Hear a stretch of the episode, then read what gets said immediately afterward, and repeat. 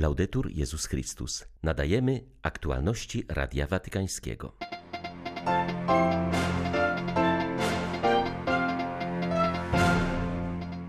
Watykan i administracja dóbr Stolicy Apostolskiej przedstawiły dziś dokumenty podsumowujące wyniki finansowe za miniony rok.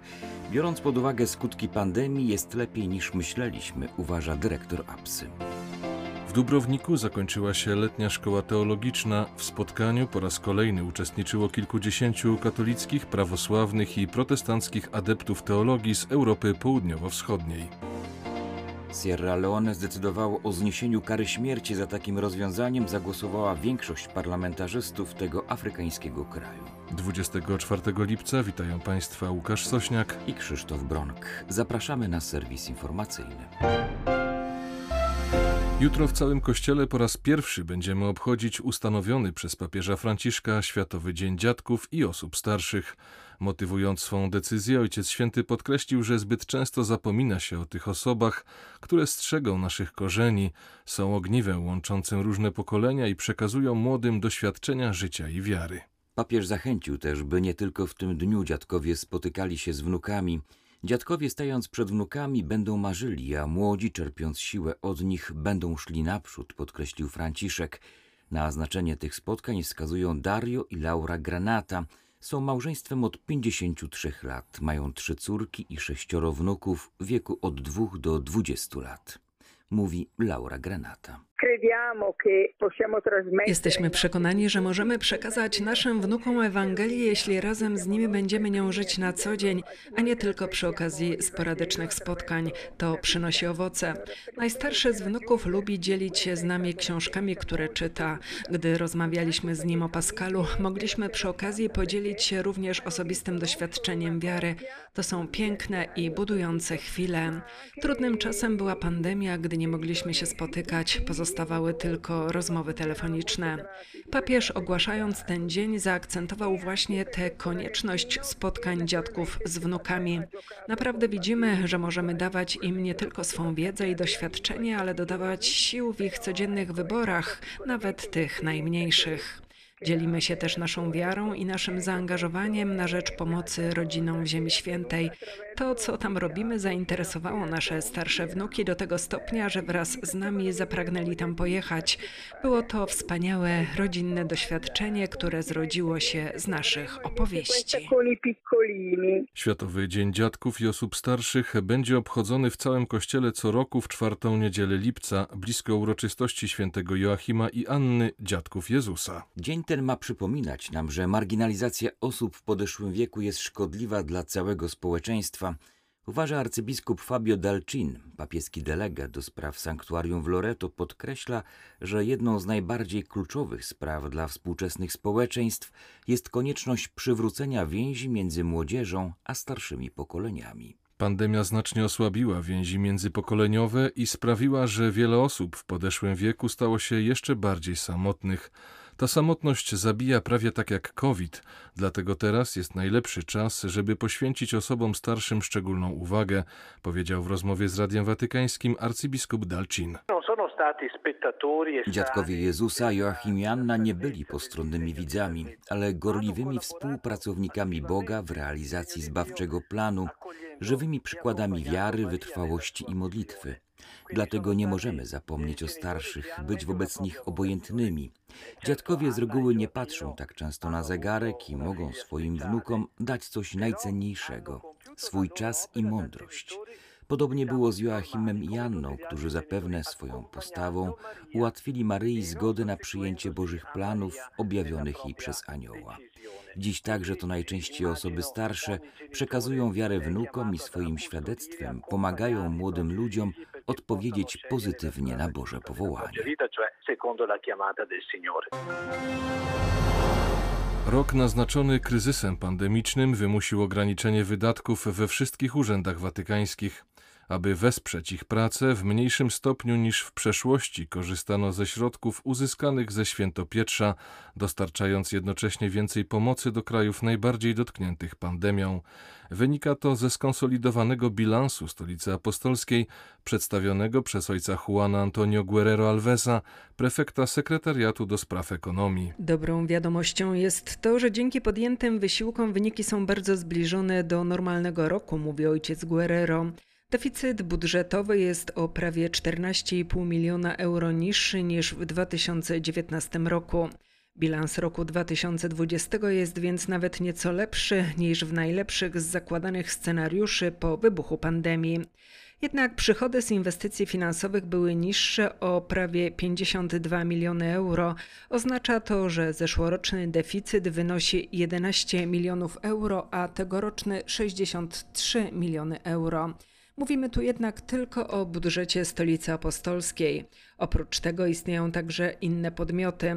Jeśli połączymy wszystkie jednostki, ogólny obraz jest nieco gorszy, biorąc pod uwagę, że instytucje Stolicy Apostolskiej nie są nastawione na zysk i wiele z nich przynosi straty, ponieważ świadczą usługi, które nie są w pełni finansowane.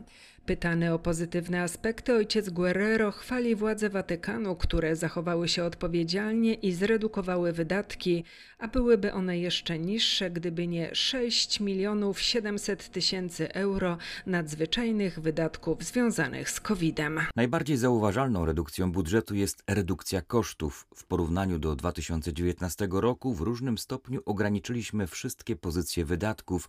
Wiele prac konserwacyjnych zostało odłożonych w czasie, co spowodowało zmniejszenie wydatków o ponad 4,5 miliona. Ponadto, dodał ojciec Guerrero, my wszyscy, którzy posługujemy przy Stolicy Apostolskiej i w instytucjach z nią związanych, zostaliśmy zaproszeni do wyrzeczenia o zmniejszenie lub niezwiększanie naszych wynagrodzeń. Zmniejszenie zysków, ale także wpływów do kurii oraz inwestycje o wartości ponad miliarda euro zostały przedstawione w dokumencie opisującym działalność administracji dóbr stolicy apostolskiej APSA. Dziś po raz pierwszy ujawniła swoje bilanse.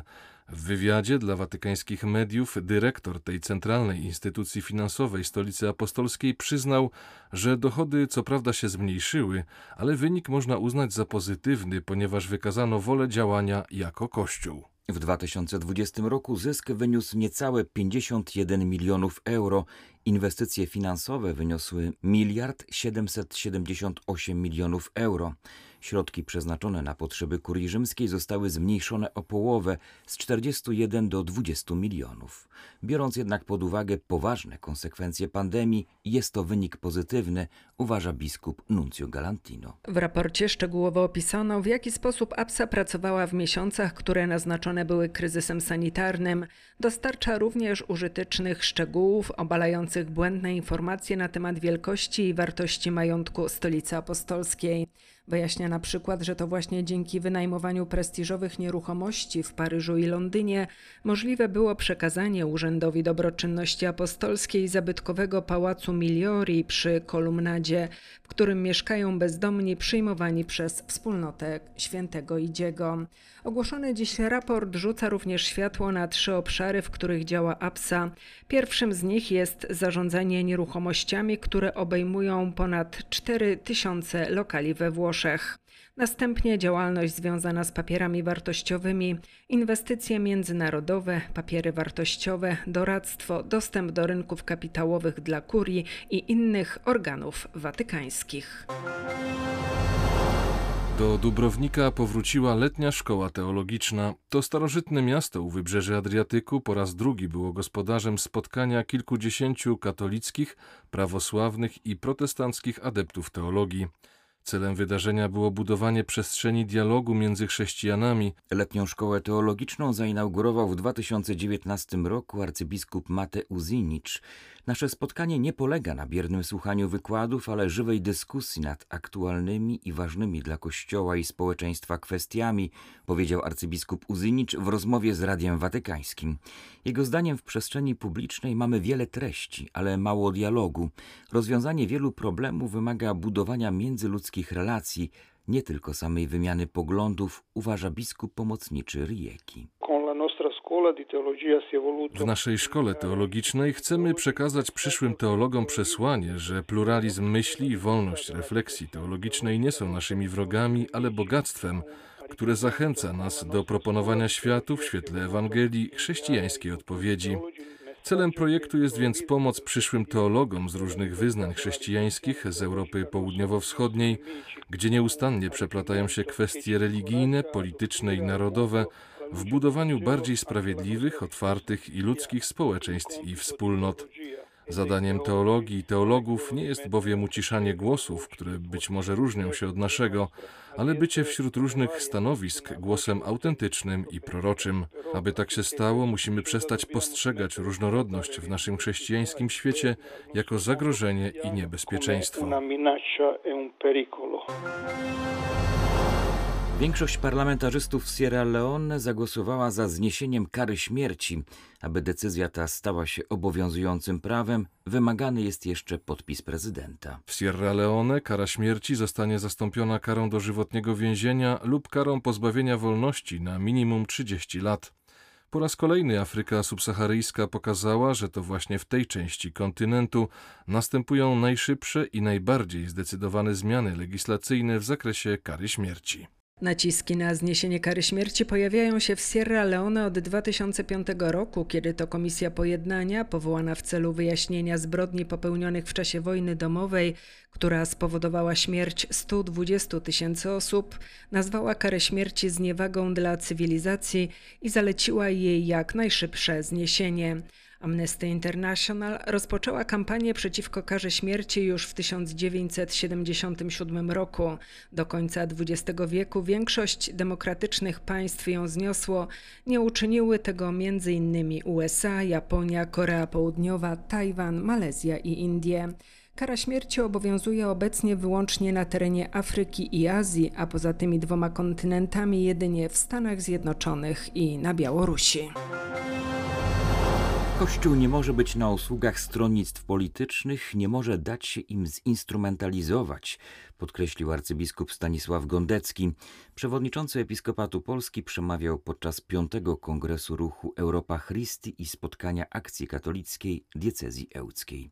Wydarzenie organizowane pod hasłem W służbie narodu w oczekiwaniu na beatyfikację prymasa tysiąclecia odbyło się w pokamedulskim klasztorze w Wigrach. Określając, czym jest polityka, przewodniczący konferencji Episkopatu Polski stwierdził, że Kościół rozumie ją jako sztukę takiego urządzania rzeczywistości społecznej, aby każdy człowiek mógł jak najpełniej i jak najszybciej się rozwijać, respektując prawa i obowiązki innych osób. Jednocześnie podkreślił: Nie można utożsamiać Kościół z żadną konkretną opcją polityczną, dlatego że żadna nie reprezentuje w całości Ewangelii. Kościół respektuje słuszną autonomię porządku demokratycznego i nie ma też upoważnienia do wkraczania w meritum programów politycznych, chyba że mają one związek z religią i moralnością. Mówca podkreślił też istnienie istotnych ograniczeń udziału w polityce duchowieństwa oraz obowiązek uczestniczenia w niej katolików świeckich. Muszą być oni jednak wierni swojemu sumieniu. Właściwie dobrze ukształtowane chrześcijańskie sumienie nie pozwala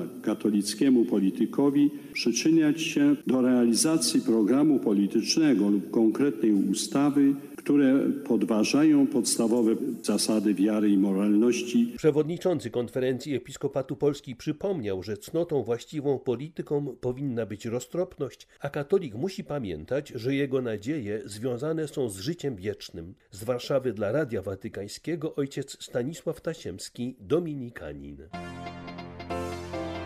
Były to aktualności Radia Watykańskiego. Laudetur Jezus Chrystus.